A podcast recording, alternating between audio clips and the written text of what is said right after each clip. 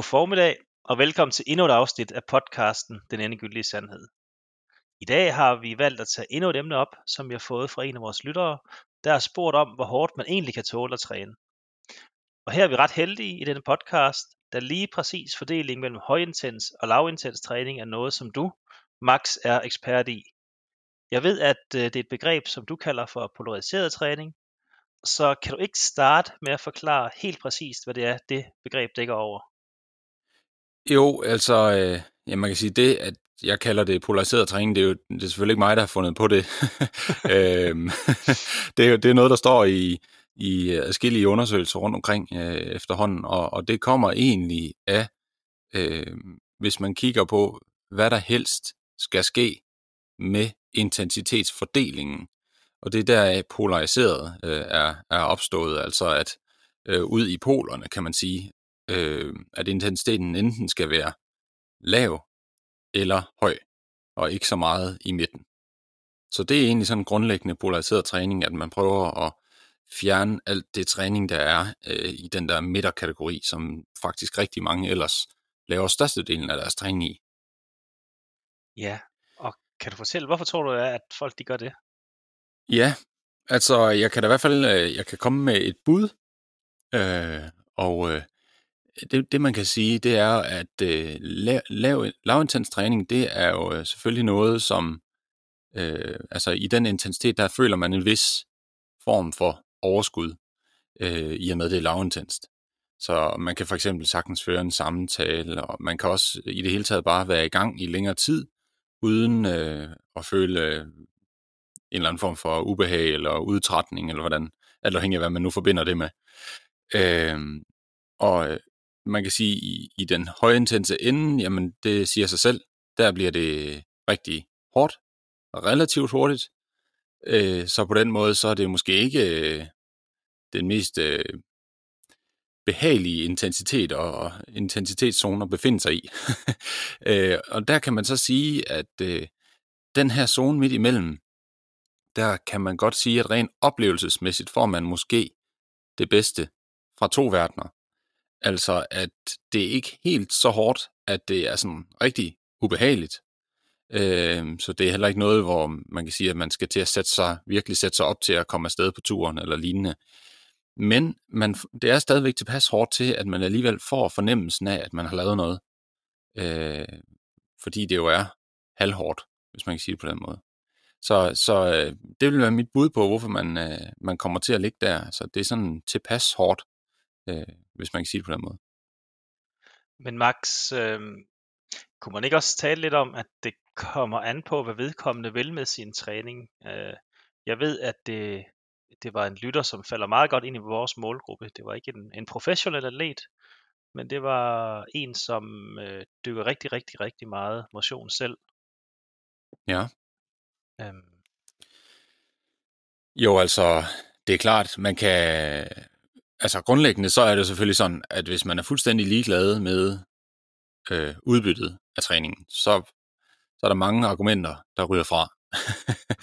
øh, så, så, men men øh, der er faktisk stadigvæk argumenter for at køre polariseret træning, også selvom man siger, at jeg er bare ude for sjov.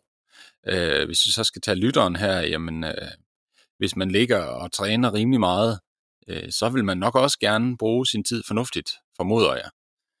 Og, øh, så giver det faktisk rigtig god mening at, at, at kigge nærmere i det her, fordi øh, udover at man får et øh, større udbytte simpelthen af træningen, man får simpelthen en bedre øh, forbedring øh, ved at træne på den her måde her, så øh, mindsker man sådan set også skadesrisici. Og det hænger lidt sammen med den her moderate træning, at vi skruer ned for mængden af halvhård træning, fordi den halvhårde træning, der kan man godt sige, at den sådan set næsten har samme restitutionstid som det højintense, men udbyttet det ligger måske tættere på det lavintense. For det er jo klart, at du presser ikke kroppen lige så meget på lavintens træning som med højintens, så du, hvis man bare kigger per tid, så får du rigtig meget ud af højintens træning, men hvis man gør det for meget, så, så bliver det altså ikke, øh, så er det ikke produktivt i, i længden.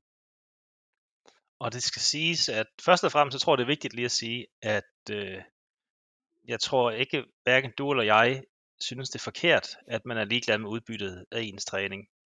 Altså, bestemt altså ikke. man, man kan sagtens gå til rundbold, bare fordi det er sjovt. Og der tror Ja. jeg ikke, man har så meget styr over, hvad, øh, om man er i den ene eller anden eller tredje zone.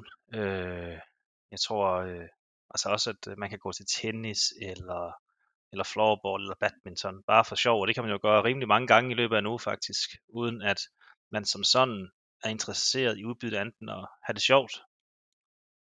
Ja. Og, og, og, og så, så tænker jeg ikke, at man som sådan behøver at rende rundt med et pulsbælte på, og så, altså, øhm, Nej, altså, øh, så, så, så det jo bare for at sige, sikkert. at jeg tror ikke, vi ser, det, er ikke, nu, det må det ikke forstås sådan, at vi ser ned på nogle folk, som er, som, som det udbytte, de bare have ud deres træning, det er det sjovt.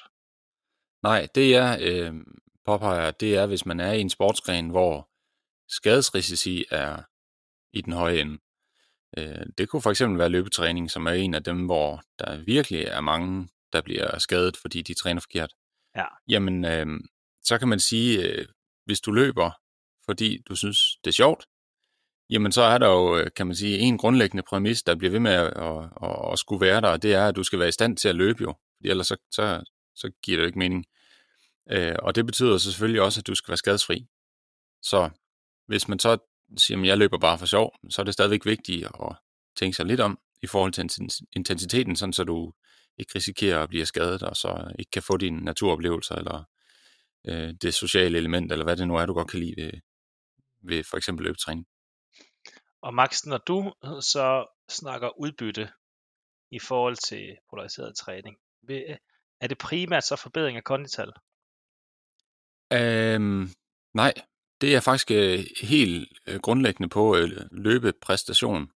Så det er sådan en all-round forbedring, kan man godt sige.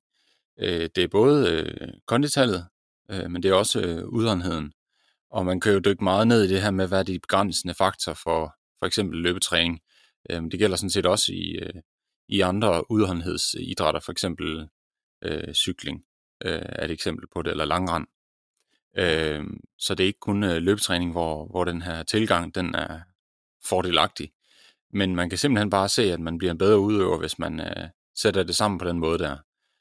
Og et af budene kunne jo være, at hvis man, det jeg nævnte tidligere, det var jo, at moderat træning har relativt lang restitutionstid, øh, og væsentligt højere i hvert fald end lavintens.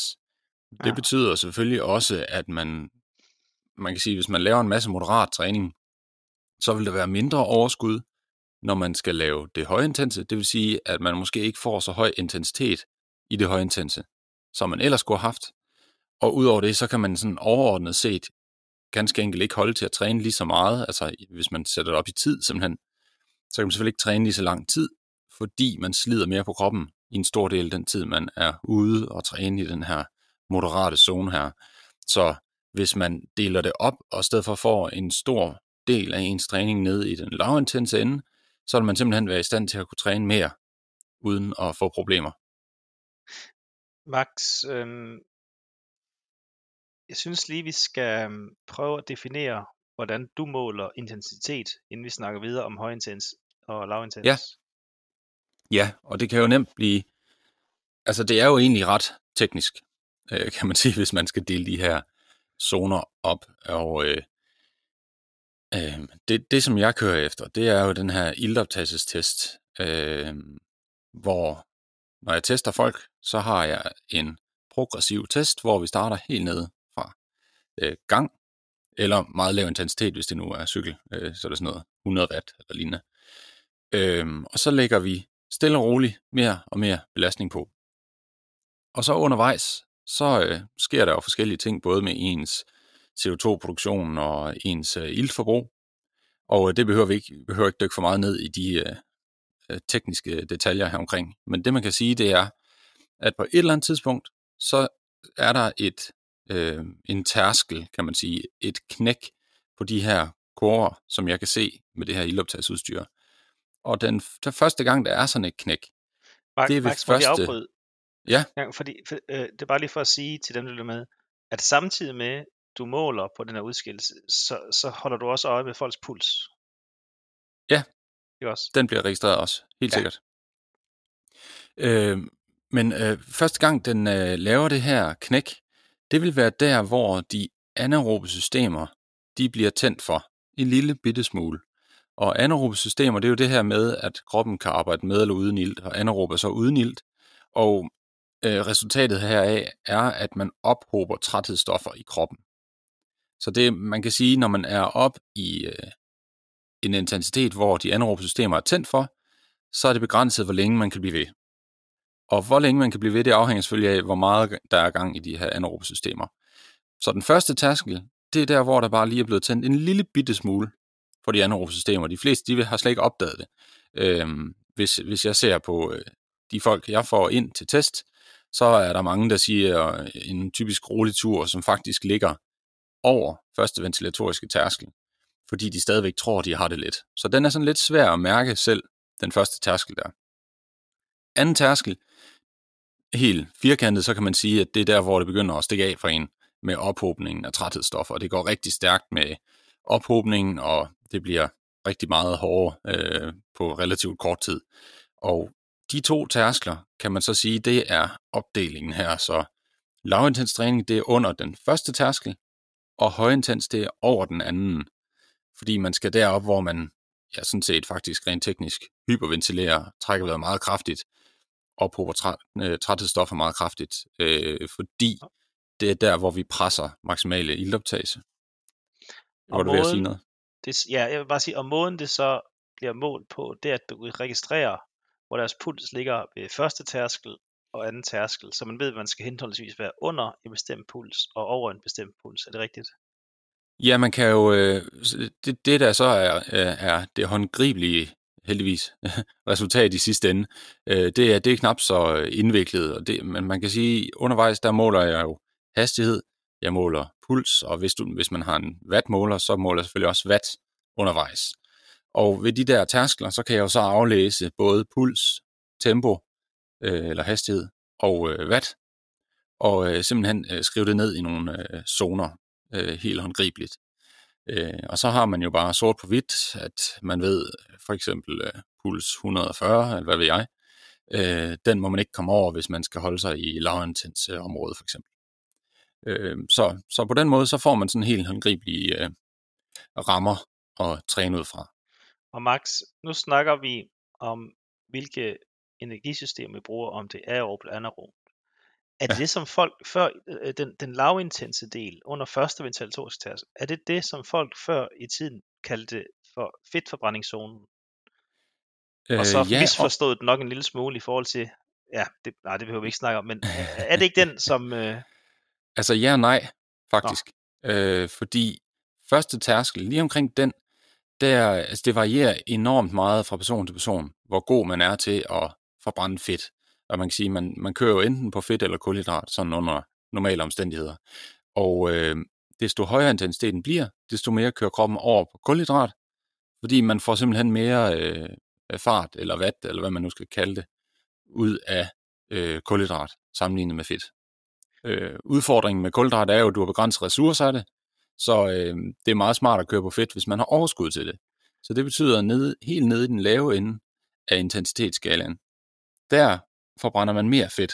Øh, men jeg deler sådan set den her lavintensitetsdel op i to zoner, hvor jeg har den laveste zone intensitetsmæssigt, det er fedtforbrændingszonen.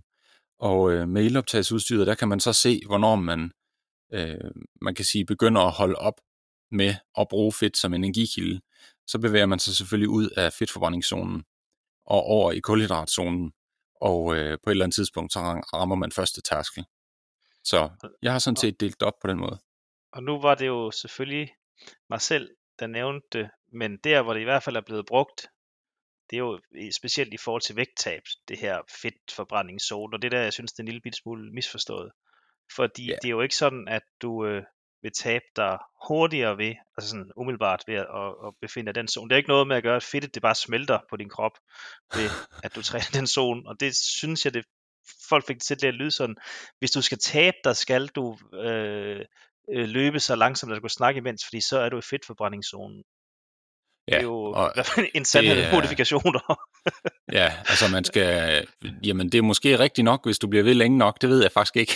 det kan godt være, hvis du trækker den helt ud, at du så godt kan Der er kan, også kan nogen, der mener, af, at men, du øh, er rent for, okay, jeg kan også sige, jeg tror sådan, som det er ment, det er, at, at, at, du, at, at du, du taber dig mere per minut, du er i gang med at være i fedtforbrændingszonen, end at ikke være der. Og Ja.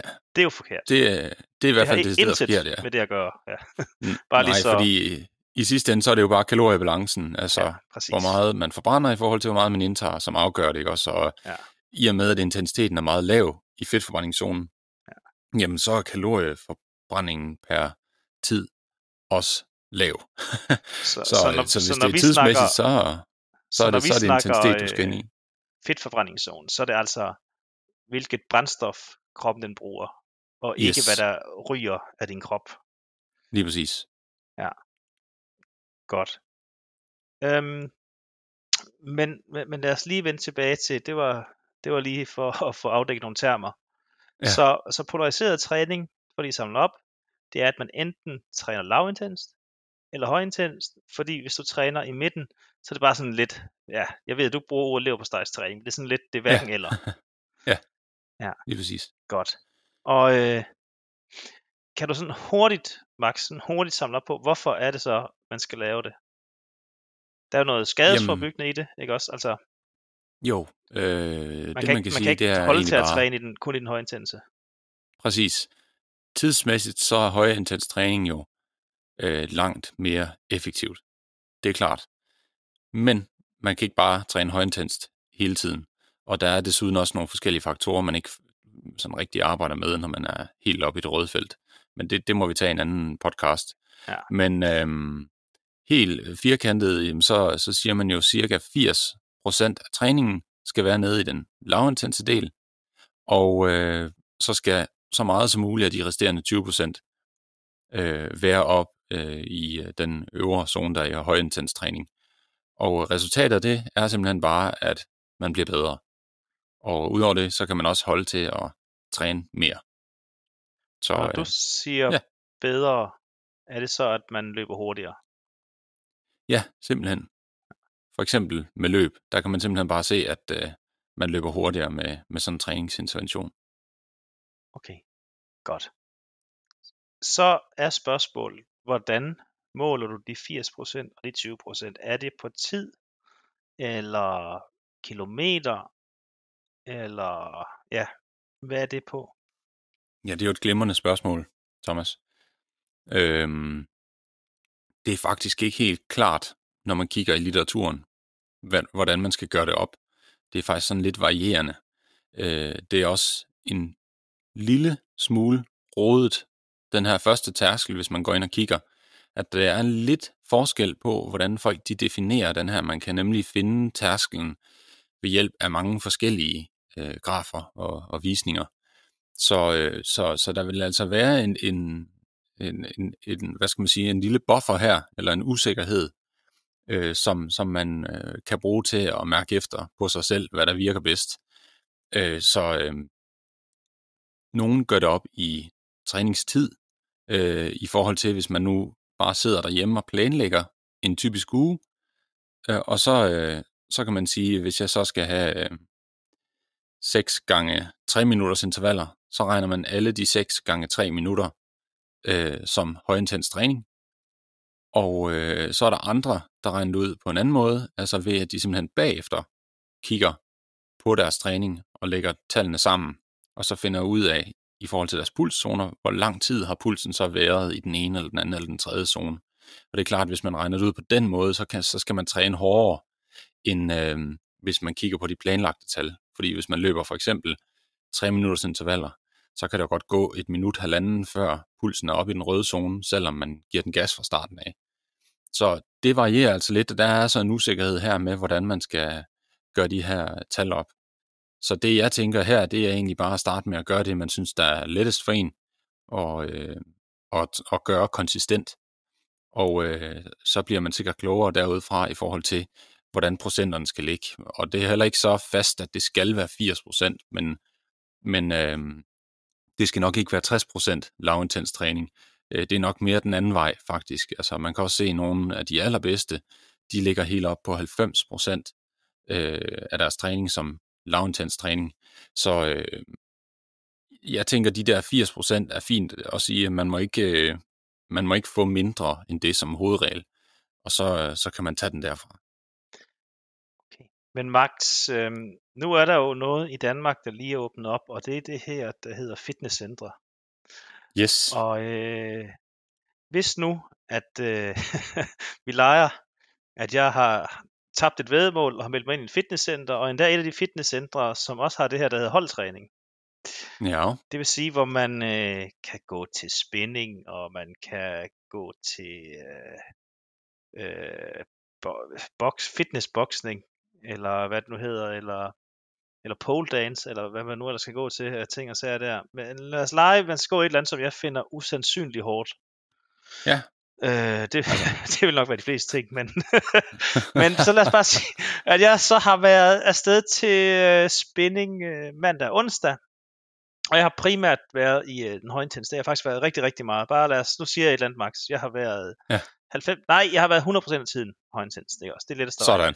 Så det vil sige, at øh, jeg har været to timer højintens. Ikke også? Ja. Vil det så sige, at jeg skal, hvad hedder det, ud og lave øh, 8 timers lavintenst bagefter? Ja, ja. Hvorfor? Jamen, så går regnstykket op, kan man sige, ikke? Jo, men hvad hvis nu jeg ikke har 8 timer resten af ugen til at træne? ja, det er noget råd, hvis man kan sige det på den måde.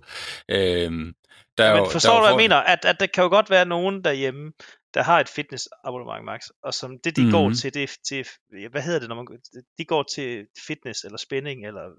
Ja, ja en eller anden form for hit træning, højintens træning. Ja, men jeg mener, de går på et hold, hvor de ikke bare kan sige, nu skal vi ikke cykle så hurtigt, eller hoppe så hurtigt, ja. eller hvad man nu laver. Jamen altså... Øh, så forstår hvad jeg det, mener.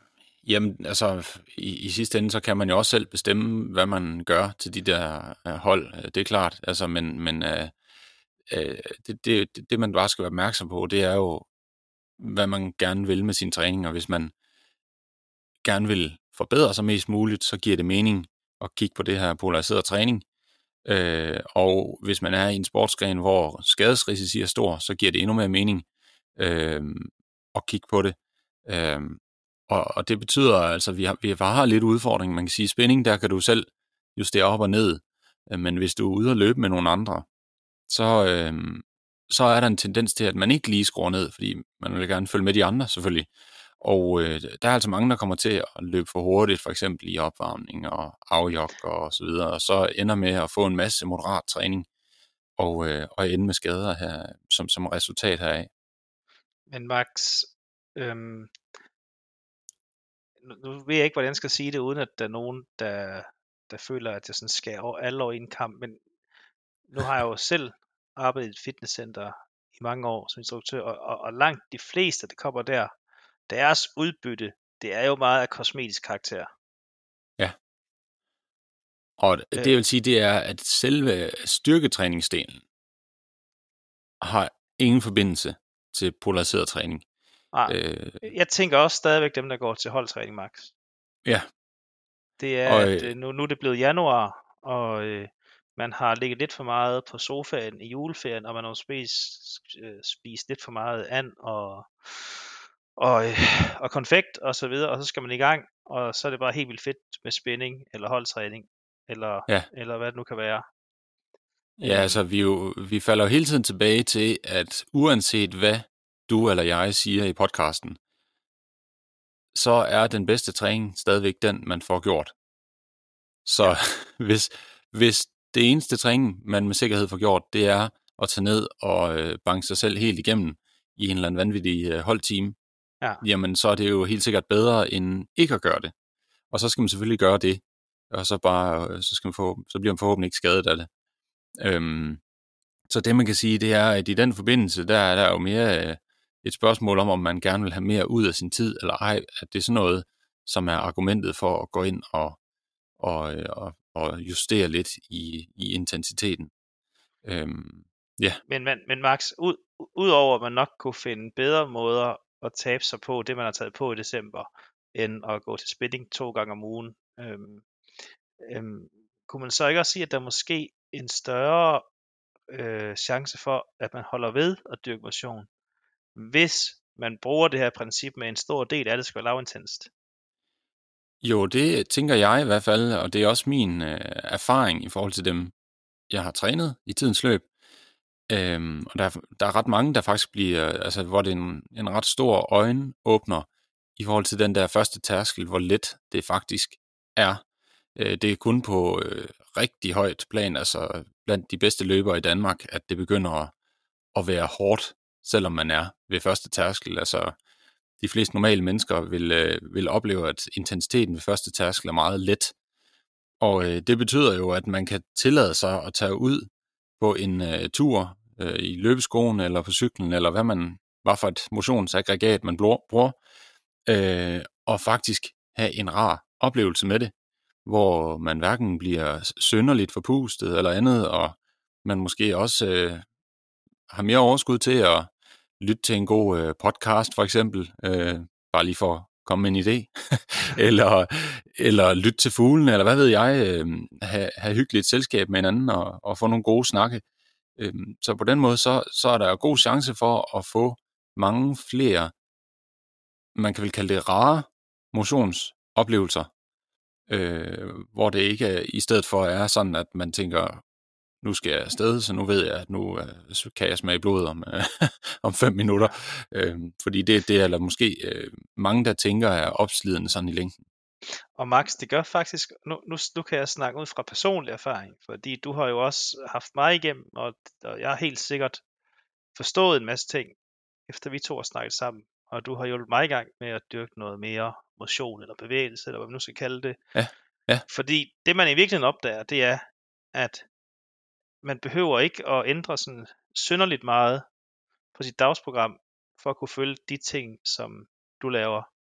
Øhm, I hvert fald i, i min egen situation, i og med at der er mange, man opdager, hvor lidt hårdt den lavintense zone egentlig er, ja. og man kan, altså, jeg, altså nu kørte jeg jo sådan ret øh, i starten øh, på, hvad er det, med pulsur på og så videre, eller egentlig ikke pulsur, men pulsmåler, øh, på ja. brystet, for lige at finde ud af, hvor den sol gik. Og det var vanvittigt, hvad, altså, hvor lidt forpustet man skulle være. Jeg, jeg, jeg kunne, lige så snart jeg begyndte at trække vejret sådan en lille smule hurtigt, så er jeg for højt op. Altså, ja. det er virkelig, øh, altså, det er det, der svarer til halvhurtigt i gang. Og, og hvis det er sådan, at går stejl op ad bakke, så kommer man over. Altså, det er virkelig ikke... Ja. Øh, og som du siger, at det er jo der, hvor man kan få Altså, man kan få flere gode naturoplevelser, man kan, som du siger, lytte til en podcast, man kan sagtens øh, lave et, øh, et telefonopkald. Øh, men det man ja. også kan, det er, at man kan gå ned og handle. Øh, ja. Man kan gå ned og hente sit barn i vuggestuen, hvis man har sådan et. Øh, man kan gå en, en hurtig tur med hunden. Altså, alle de ting, de vil også tælle som lavintens Og lige ja, pludselig, så sker der altså bare det, at man får trænet meget mere, end man egentlig lige havde troet. Præcis. Øhm, og øh, hvad hedder det? Jeg tror altså også, det gør et eller andet ved folks lyst til at komme ud, Max, det der med at sige, at de opdager, at øh, de behøver ikke ud og smage blod. Nemlig. Det er jo som udgangspunkt ikke så, så, så spændende, vil jeg våge påstå. Nej, altså, der er sikkert nogen derude, der godt kan lide det, men, øh, jo, men sådan så i, i grove træk, så er de fleste nok ikke så glade for det. Jeg, jeg hører mange, der siger det, Max,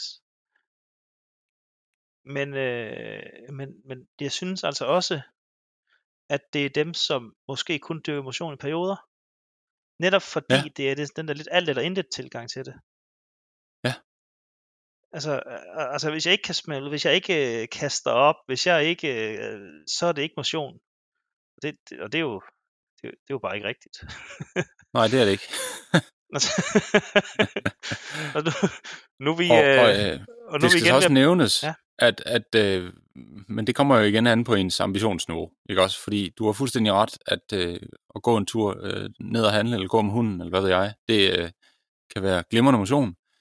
Hvis man nu øh, er lidt mere øh, performance-orienteret, så kan jeg sige, øh, eller øh, så kan folk måske finde ro i, at det, det behøver ikke være, at man kun må gå øh, sådan fremadrettet. Øh, jeg kan give mig selv som eksempel. Øh, da jeg testede mig selv første gang, der, der var jeg heller ikke særlig god til at ligge nede i fedtforbrændingszonen, og fedtforbrændingszonen bruger jeg personligt som restitutionstræning, det vil sige, fordi jeg træner hver dag.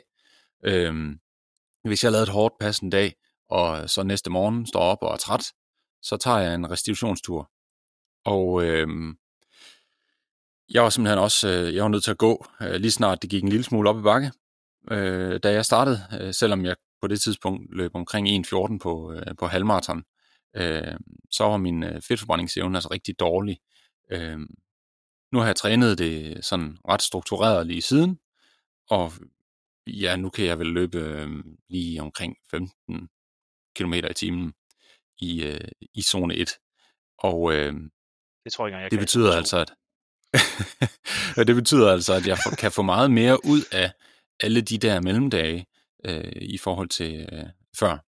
Så der er altså også øh, der er altså også ræson i det i forhold til performance på den måde, og, og man reagerer også øh, på det og bliver bedre, hvis det er, at man træner det målrettet. Nu tror jeg også, det er vigtigt lige at sige til vores lyttere, Max, at øh, du er muligvis en af Danmarks bedste løbere, og jeg er muligvis en af Danmarks dårligste løbere. Så vi befinder os lidt i hver vores ende af spektret.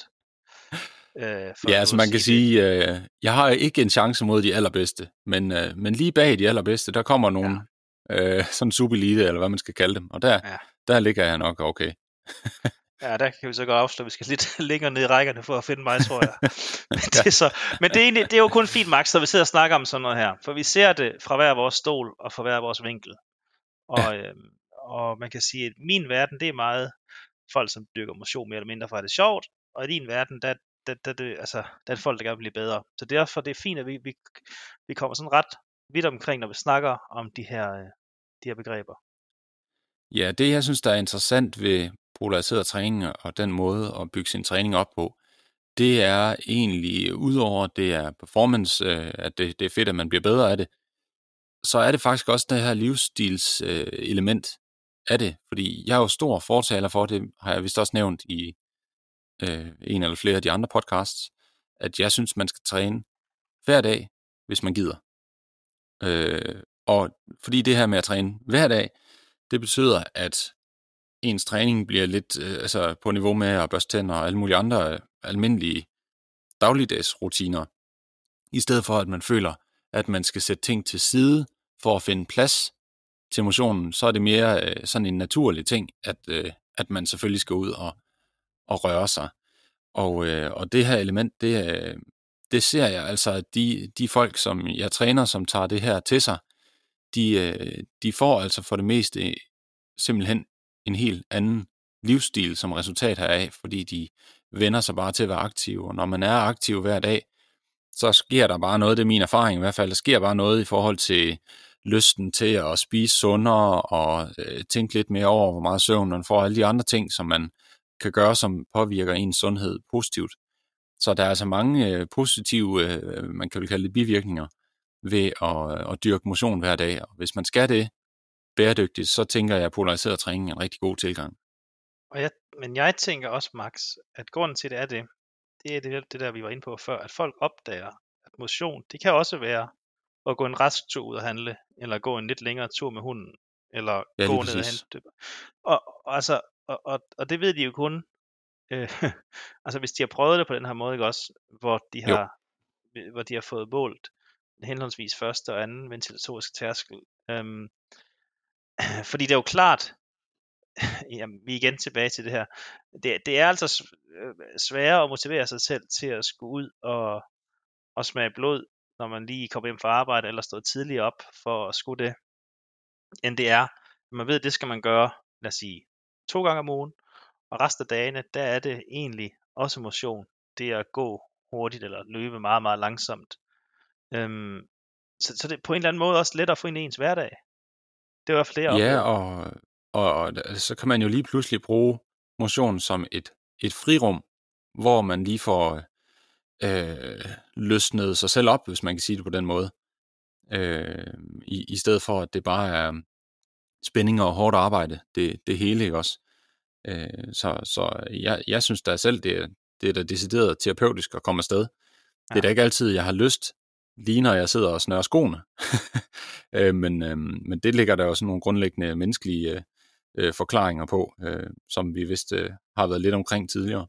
Men øh, altså, den her oplevelse af det lavintens, hvor man bare lige får løsnet op og, og øh, får luft til hovedet og kan tænke lidt over, over tingene, det, det er enormt rart, synes jeg. Det er et dejligt frirum at have. Men, men det er også lidt sjovt, hvordan det der med, øh, vi får defineret motion øh, på, en, på en lidt anden måde, at det virker lidt mere som bare bevægelse. Ja. Jamen helt bestemt. Altså, øh, man kan jo sige, hvor hårdt skal det være, før det er emotion? Og det er jo, øh, at man kan sige helt, der er jo sådan en tommelfingerregel, men det bliver jo sådan noget tommelfingerregelsværk. Øh, men det er sådan 50% af ens makspuls. Så længe man er over det, så, øh, så kan man kalde det motion. Og øh, det er ikke sikkert, at alle lytterne har et forhold til det, men altså, det jeg kan sige der, det er, at 50% af makspuls, det er virkelig lav intensitet øh, og meget nemt at komme over. så, øh, så, så, så næsten al bevægelse er, er motion, kan man sige, og øh, uanset om man så er over 50% eller ej, så skal man jo også hele tiden tænke på, at hvis alternativet er at sidde stille, så vil man jo, uanset hvad det er, man gør øh, af, af aktivitet, så vil man jo øge aktivitetsniveauet i kroppen og i energisystemerne. Øh, så så al, al bevægelse er bedre end ingen bevægelse, hvis man kan sige det på den måde. Ja, og, og det var også lidt der, hvor 10'eren, den, øh, den faldt for mig, kan vi roligt sige. Hvor jeg gik fra at øh, egentlig både være uinteresseret i at måle det, fordi jeg lidt havde den der holdning til, at øh, det skal være hårdt for en emotion. Men til rent faktisk øh, her over det sidste stykke tid, hvor jeg op og gå øh, sådan omkring de 100 km om ugen. Ja. Øhm, altså, det er jo, det er jo en, det er jo egentlig øh, en vanvittig fremgang, men det er jo det, der man lige pludselig opdager, at det tæller også i regnskabet, hvis det er ude at handle ude hos øh, den lokale købmand, eller en lidt længere tur med hunden. Ja. Og, det, og, og man kommer altså bare, ja, det der vi snakker om med mange begge små, ikke også? Og hvis det så er, ligesom, jeg, jeg vil skyde på, at jeg er sådan uh, et meget godt gennemsnit af min omgangskreds, øhm, i forhold til det der med, at øh, så, så går man måske til en eller anden form for holdsport to gange om ugen, hvor man får sin puls op, og så hvis man så får gået de der en, en, ja, en 10-15 km de andre dage, som jeg godt kan, øhm, så passer det jo nok meget godt. Ja, så er du i hvert fald dækket ind. Men, ja. ja, helt sikkert. Ja. Og der er jo, der er, det er jo vigtigt at understrege, at der er jo ikke nogen skade i at have over 80% af ens træning i den lavintense zone, som jeg også nævnte tidligere. Ja. Øh, og som sagt, øh, de allerbedste og verdenseliten, de ligger jo på 90% af deres træning som lavintens træning. Øh, og man kan sige, de, det, det går jo meget godt for dem. Øh, så der er ikke nogen problemer den, den vej. Øh, når det er sagt, så kan man selvfølgelig også, hvis man er, øh, det vender jeg hele tiden tilbage til, det, det blev åbenbart min øh, ting i dag, men hvis man er mere præstationsorienteret, ja. øhm, så kan man selvfølgelig også træne for lavintenst. Men det skal bare forstås på den måde, at man får et mindre udbytte. Øh, altså, hvis du har første ventilatoriske tærskel der, som den øvre grænse for lavintens hvis al din træning så ligger 15 slag under første tærskel, pulsslag, så vil du selvfølgelig kunne få mere ud af det, hvis du øgede intensiteten, sådan så du kom tættere på første tærskel. Øhm, men men det, en, det vil være det eneste problem ved det, hvis man kan sige det sådan, det er, at man kunne få lidt mere ud af det. Og det er jo, man kan sige, sjovere, at det er den vej rundt, end at man, øh, så at sige, får lidt for meget ud af det, og så bliver skadet. Ja. Øh, så, ja. Men, det skal bare lige nævnes, at man kan ja. også, øh, man kan selvfølgelig også bevæge sig for langsomt, hvis man sådan er, er præstationsorienteret. Ja. Øhm, jeg kan se, at vi nærmer os de 40 minutter max, og jeg har faktisk skrevet en, en hel passe mere ned, men som nok nærmer sig mere noget i forhold til præstationer. Men, men spørgsmålet om vi ikke skal lave en, en part 2 af det her på et tidspunkt, hvor vi måske snakker lidt mere til måske professionelle idrætsudøvere, eller folk, der er lidt mere seriøse med deres idræt. Øhm, det når vi ikke igennem. Jo. Vi har, jo, vi har jo lidt den her ambition, at vi gerne vil holde os tæt på de 45 minutter. Ja, så, det er ikke så, lykkes så godt, men øh, vi skal øve os. øh, så hvis du vil lige sådan øh, slutte af, Max, altså bare lige for at sige, at rigtig mange af de her uger og, og gadgets og ting og sager, de deler jo ja. lidt, øh, de måler en makspuls, og så ud fra den, så deler de det op i nogle zoner. Og det er jo ikke de zoner, som vi snakker om. Nej. Det er for øh, upræcist. Er, du, er vi ikke enige om ja, det? det? Jo, fordi det jeg kan se, når jeg tester folk, det er altså, at variationen fra person til person, den er enorm, faktisk. Og øh, det, det, det betyder altså, at det er ikke bare absolut værdier, men også procent af makspuls. Så, så øh, den, den kan man ikke rigtig køre efter. Udover det, så er det svært faktisk at finde sin makspuls, fordi i det hele taget, det at lave en makspulstest er faktisk, øh, ja, det er jo sjovt nok, øh, sindssygt hårdt, fordi du skal ramme maksimal puls, og, øh, og det er faktisk ret svært at presse sig selv øh, så meget, fordi man også skal gøre det på en bestemt måde for at nå den højst mulige puls osv. Så, videre. så det er sådan en usikkerhed på usikkerhed, hvis man kan sige det på den måde. Ja, men det kan et ur til 4.500 sagtens max. ja. Ej, nu skal jeg også... Øh, det, nu noget. Vi, ja, nu er vi Men, ude nu. Øh... Bare lige, til dem, der ikke lige forstår den der, vi har, vi har et helt program, hvor vi snakker om pulsure, og om, hvor lidt de egentlig kan. Ja, man, det bliver jo endnu værre, hvis det er så håndledspuls, man har målt den der max øh, puls med, men det, der, så kan man gå ind og, og, og høre podcasten om ja, fitnessure. Øh, det, det var egentlig også bare lige, fordi nu forhåbentlig at nogle folk, der tænker, det vil vi sgu da i gang med det her. Øhm, ja. Så vil jeg bare sige, at det ikke, øh, at, hvordan, hvordan kommer man i gang med det her, hvis man ikke lige har, har adgang til at kunne måle sin første anvendt tærskel derhjemme? jeg, jeg tænker, der er, ret, der er ret få, der lige derhjemme kan, ja. kan, kan, kan måle den. ja. øh, men men øh, hvis man enten bare indtil man får bestilt en ildoptagelsestest, jamen det er vel det scenarie, ikke? Øh, indtil man nu får øh, bestilt den ildoptagelsestest der, så kan man køre efter øh, nogle rammer, og det bliver jo noget fluffy noget, øh, men, men det er jo sådan, det er. Men hvis jeg skal prøve at beskrive første tærskel, så vil jeg sige, at hvis man er ude på en lang tur, og en lang tur, jamen det er altså øh, i hvert fald over en time, det er måske halvanden time. Øh, hvis man forestiller sig det, så må man ikke blive mere forpustet undervejs på turen. Man må gerne blive mere træt i musklerne, det siger sig selv, at man bliver det, men man må ikke blive mere forpustet. For hvis man bliver mere og mere forpustet, så er det fordi, man har mere og mere iltgæld, og det er så et tegn på, at der er træthedsstoffer, der ophober sig. Så det vil være en, den mest øh, præcise beskrivelse, jeg, vil, jeg kan, kan komme frem til omkring første tærskel. Og anden tærskel plejer at give lidt mere sig selv, fordi det skal ja. bare være super hårdt.